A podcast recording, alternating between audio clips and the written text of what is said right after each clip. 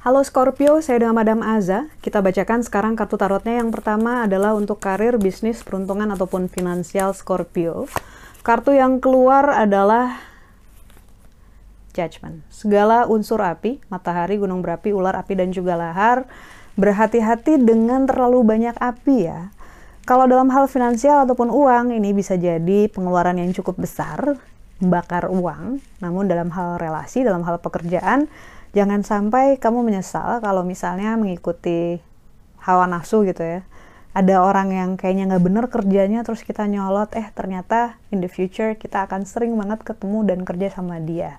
Hati-hati kartu judgment menunjukkan potensi konflik yang disebabkan oleh terlalu banyak unsur api di sini gitu jadi lebih baik untuk sabar lebih baik untuk menahan diri dulu sebelum bereaksi sebelum bertindak lalu untuk percintaan percintaan Scorpio, kartu yang keluar adalah The Hierophant. Ketika kartu Hierophant keluar, ini menunjukkan seseorang yang sedang memegang kitab Torah. Torah ini adalah Taurat gitu ya. Ini sebenarnya representasi dari wisdom, dari knowledge, dari hal-hal yang sudah kita kumpulkan selama kita masih hidup dan satu tangan di telinga. Jangan sampai kita ngerasa bahwa kita udah paling ngerti tentang relasi kita paling ngerti tentang pasangan sampai kita berhenti mendengarkan omongan dia apa. Banyak banget orang yang terlalu nyaman, terlalu terbiasa gitu, sampai akhirnya lupa untuk memandang pasangan sebagai sebuah pribadi yang utuh, sebuah ego tersendiri di luar diri kita. Ah, saya tahu dia kan senangnya makan ini, dia kan senangnya ngelakuin ABCD, padahal sebenarnya itu kita yang seneng lakuin dan dia cuma ikutan karena ingin nyenengin kita. Contohnya seperti itu gitu.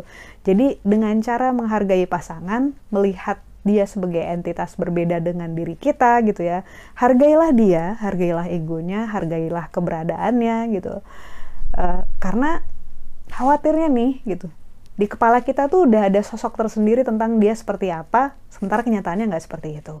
Ataupun kalau benar siapa tahu sudah berubah. Karena itu jangan pernah berhenti untuk mendengar. Satu tangan di telinga itu menunjukkan orang yang benar-benar mendengar attentif gitu ya.